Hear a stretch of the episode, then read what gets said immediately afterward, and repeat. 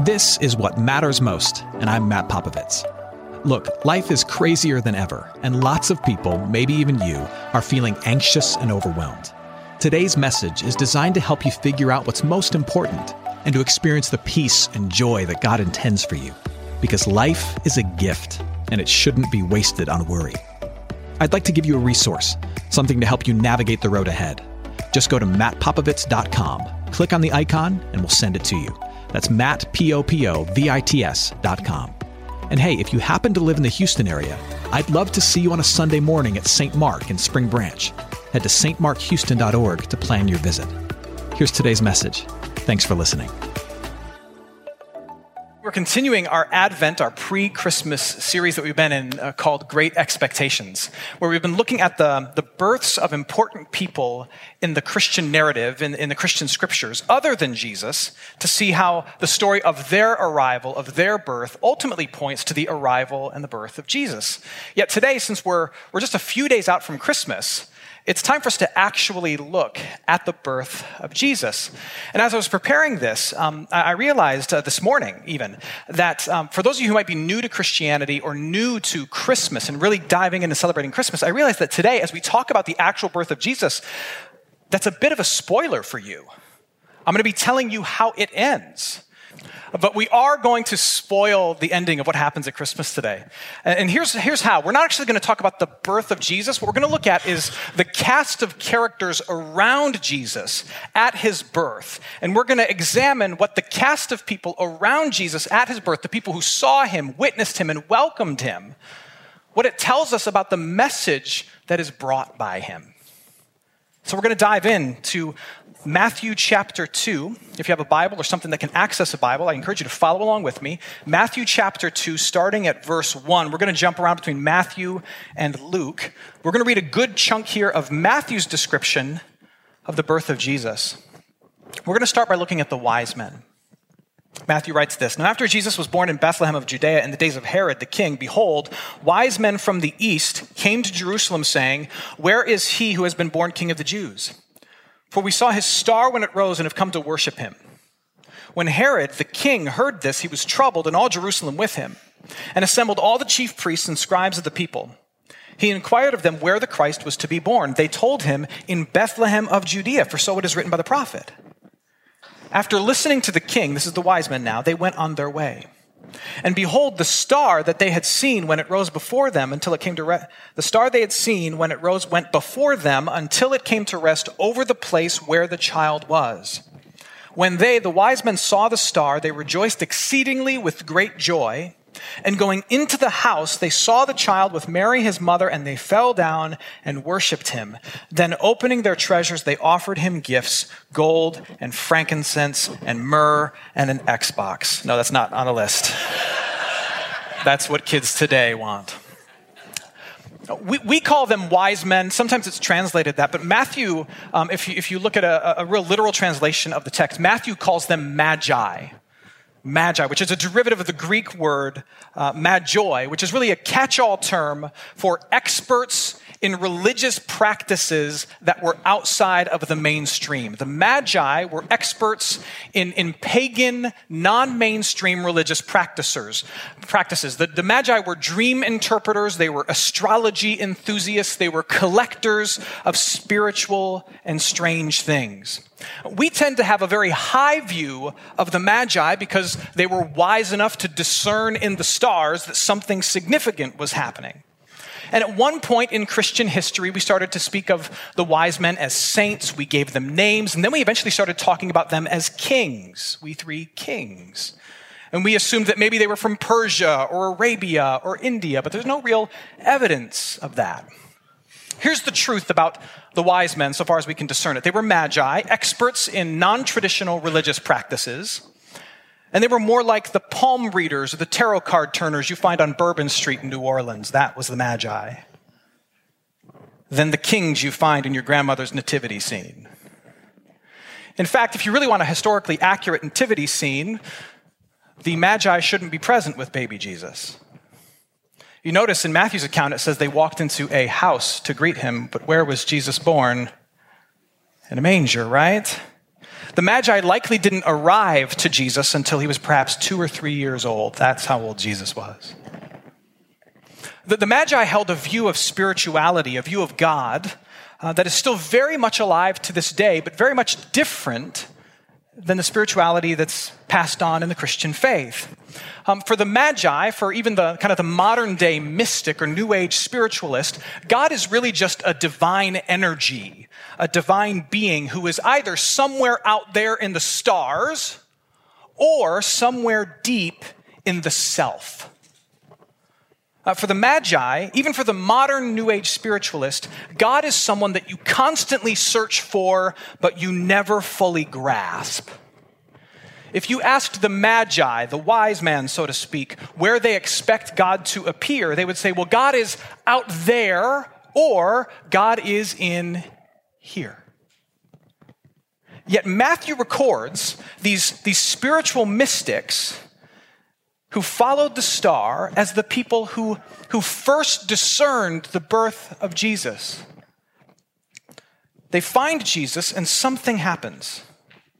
This, this divine presence that they've been searching for that is so often untouchable and ungraspable, suddenly this divine being they've been searching for that's untouchable and ungraspable was suddenly tangible and knowable. And it wasn't an energy out there or a truth in here, but the divine thing that the Magi were seeking for was a toddling, babbling little person right in front of them. And it contradicted all of their expectations that says God is just out there or in here. Suddenly, God was in flesh in front of them, spilling things and breaking things.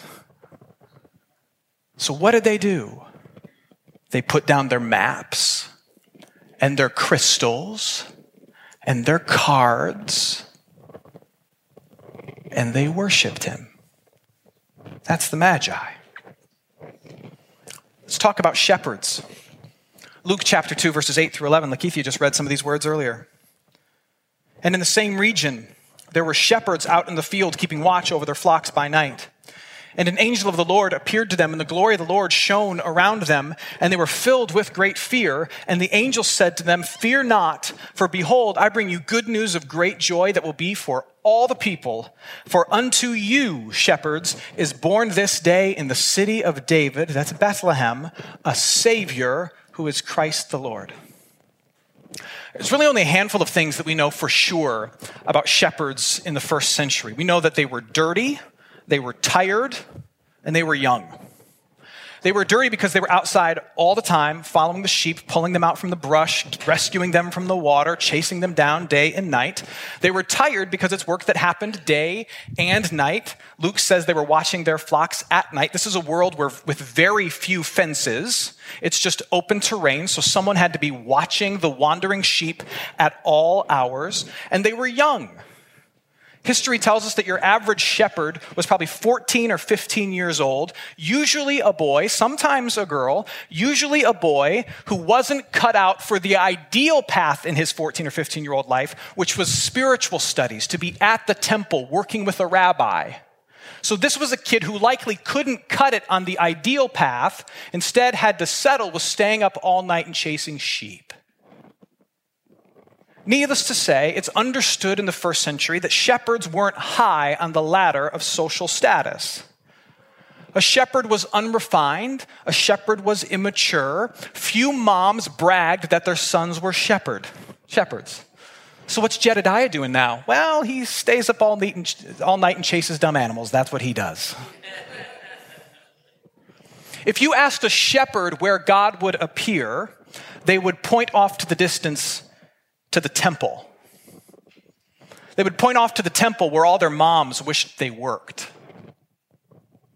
Because that's where God showed up and that's where God did his thing. Luke tells us something interesting, though, about the shepherds that's almost always overlooked. It says that the shepherds were in the same region as Jesus when he was born. What region was Jesus born in? He was born in Bethlehem. That's right. They were shepherds of Bethlehem. Now, history tells us that that the shepherds of Bethlehem served a special purpose. The sheep in Bethlehem served a special purpose. Bethlehem was the city of David. the great king of Israel, whose great legacy was that he left behind plans for the temple that his son, that his son Solomon eventually built.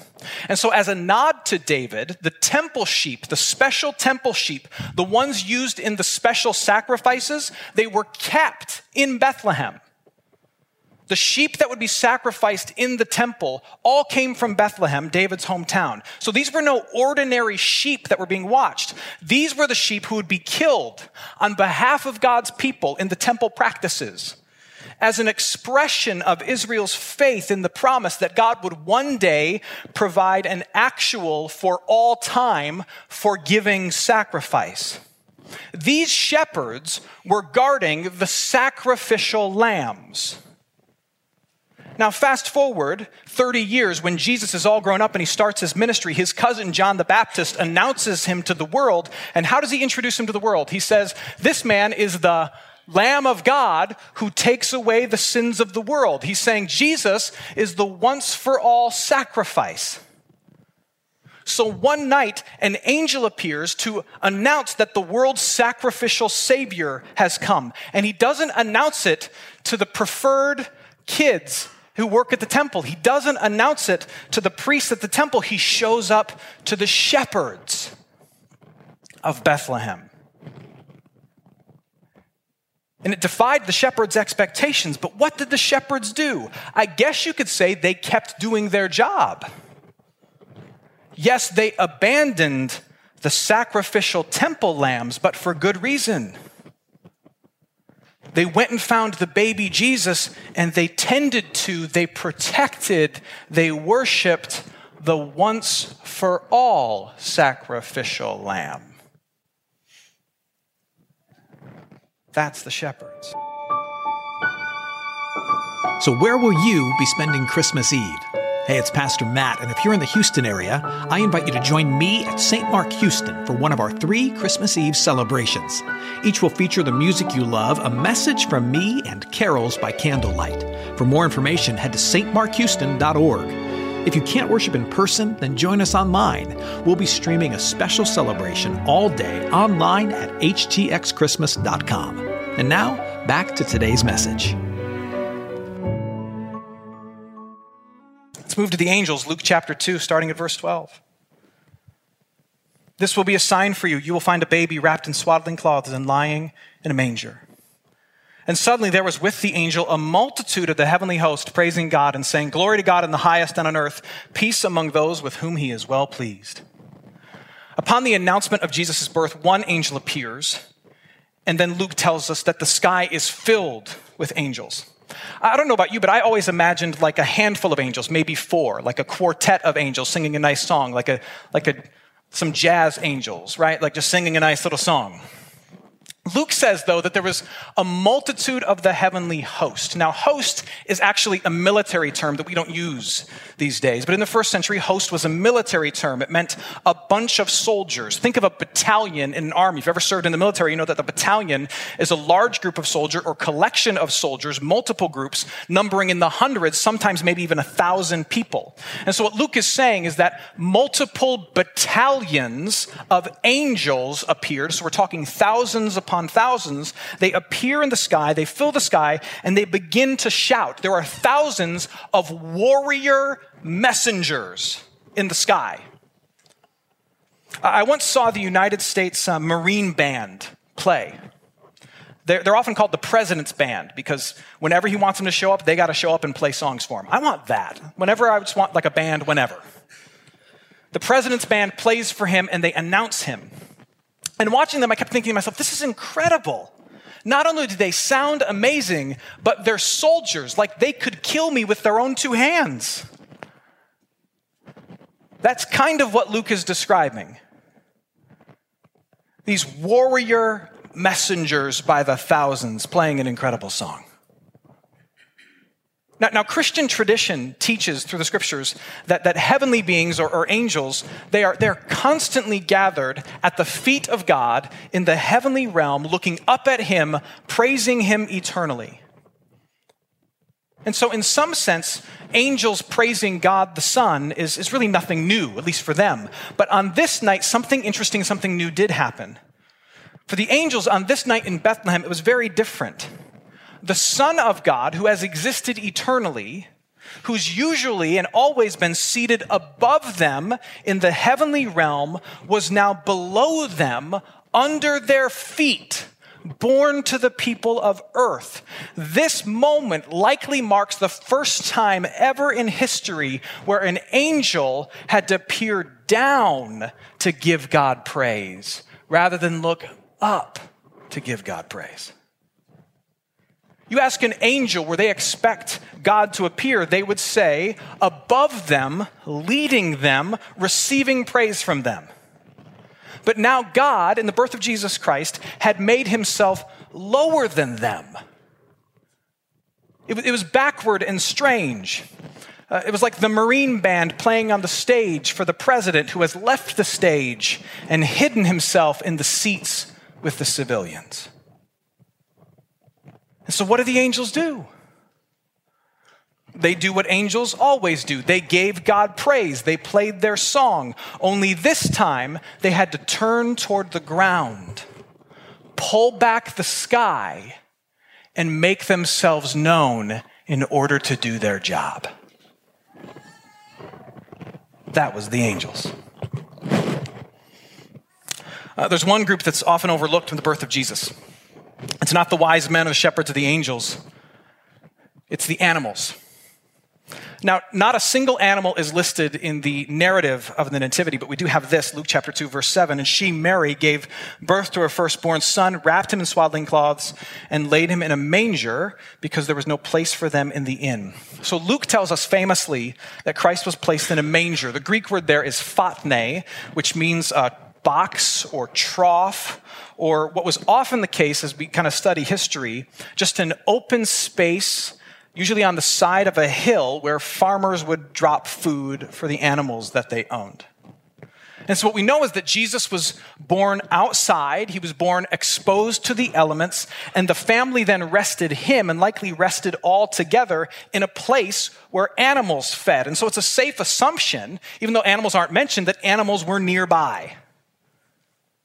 Besides, over the years, people have added all sorts of crazy things to their imagination of the Nativity. I mean, like if you've ever seen the movie Love Actually, which some people say is a Christmas movie, I say it's not, but some people say it is. There's a famous scene in Love Actually where there's a Christmas pageant at an elementary school, and at the Christmas pageant, replaying the Nativity, you have an octopus, a lobster, and Spider Man all welcoming baby Jesus. Jesus was born outside in the wild in cold. And that's not where you expect someone important to show up. The more important people are, the less accessible to the outside world they become, right? Yet, how does the proposed Son of God, God in flesh, appear? The Son of God who's easily more important than any king, more powerful than any president.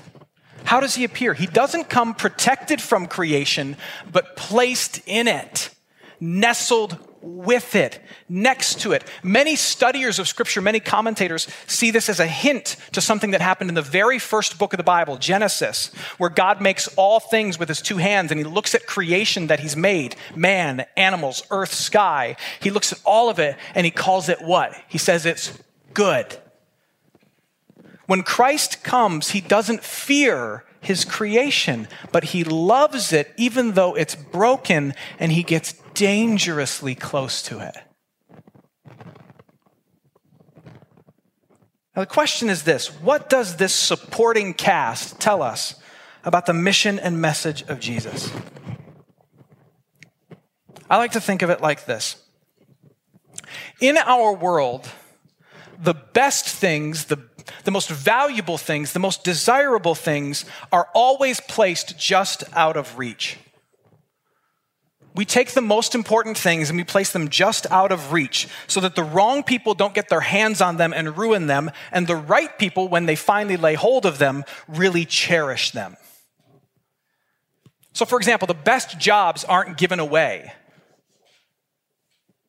Being a CEO is placed out of your reach and it's earned. The spot on the team, starting center, isn't just given away, it's placed out of reach and it's earned. Acclaim and fame aren't just given away. They're placed out of reach. You got to make some noise and earn that applause. The best girl, the most amazing guy, they don't just love you. Haven't you seen any movie ever? For millennia, God seemed out of reach. That's why the Magi searched. That's why the shepherds pointed to the temple. That's why the angels were unseen and the world down here seemed bad and broken and devoid of the divine. But then Christ came to earth. And how did he come? He made himself known to the wandering magi. He, he was received by teenage shepherds. He was born beneath the feet of angels. He was laid in the slop of the sheep. The vase came off the high shelf and was put on the floor with the toddler. The CEO position was posted on Craigslist. The incredible girl said yes to the average guy without him even asking. That's what happened at the birth of Jesus Christ. God was sending a message that his love, his forgiveness, his mercy, his presence, the most valuable and desirable of all things, would not be doled out like every other thing. It would not be out of reach and earned by the best. It would be given generously and lovingly to the least. To you. To me. That leaves me with just two simple takeaways from today's message. Here's how we're going to land the plane. First is this don't assume, it's so easy to assume this, even for those of us who've been lifelong followers of Jesus, don't assume that God is on the high shelf. We can easily slip into a view of God, a view of Jesus Christ that forgets about Christmas. We slip into thinking really easily, we all do this, including myself, we slip into thinking, well, maybe I have more of God when I have some kind of mystical experience in my life, like the Magi, like when I really feel Him in my life, whatever that means, when I really feel Him, I've got more of Him. Or we think we're somehow more blessed by God the more we climb the social ladder, the less like a shepherd we become. Well, I'm blessed. I'm so blessed. I wasn't blessed before. I'm blessed now because I make more money. We easily believe that the more religious we become, the more angelic we get the more we've proven our position in God's eyes, or that the less earthy and less messy and messed up our situation is, the more comfortable God is with us, the more at ease God is with us. But every time you stare at the Nativity and you see the Magi, the shepherds, the animals, and the angels, it is meant to shake you out of that unhistorical, unbiblical, anti Christmas attitude and it is meant to remind you of this. It is meant to stir you to celebrate this. You don't get more of God when you reach higher places. You have all of God now because He has come low to you. You have all of His mercy, all of His grace, all of His forgiveness now. And the second point is this just as God is not on a high shelf, may our love for other people not be on a high shelf either. We are in a season where we're going to go to parties with people we love. We're also going to mix with family and friends that haven't earned our affection. You're going to interact with people who've wronged you, who, who simply make you uncomfortable because they don't look like you, or people who annoy you, or people who've never, ever apologized to you. And they really should, but they haven't. And you're going to be tempted to take the best of yourself, to take your love, your goodness, your grace, and your mercy, to put it on the high shelf so that the lowly people like them can't get their hands on it, can't ruin it, and can't get something they don't deserve. And my encouragement to you is to take your love and bring it off the shelf and bring your best to that person because God has given his son to shepherds and to weird old wise men. He has nestled himself next to bugs and spiders and asses. So can you. Amen. Hey, it's Matt. I hope you enjoyed what matters most. Here's what I need you to know life is a gift, and it shouldn't be wasted on worry. I want to help you figure out what's most important and to experience the peace and joy that God intends for you. So for more content, you can head to mattpopovits.com. That's Matt, P O P O V I T S.com. There you can also support this ministry as well as access your free resource, a little something to help you navigate the road ahead. I'd also love to see you on a Sunday morning. If you're in the Houston area, head to stmarkhouston.org to plan your visit. In the meantime, hit me up on Instagram at mpopovits or at facebook.com slash Matt Popovits Ministries. Thanks for listening. Now go and hold tight to what matters most.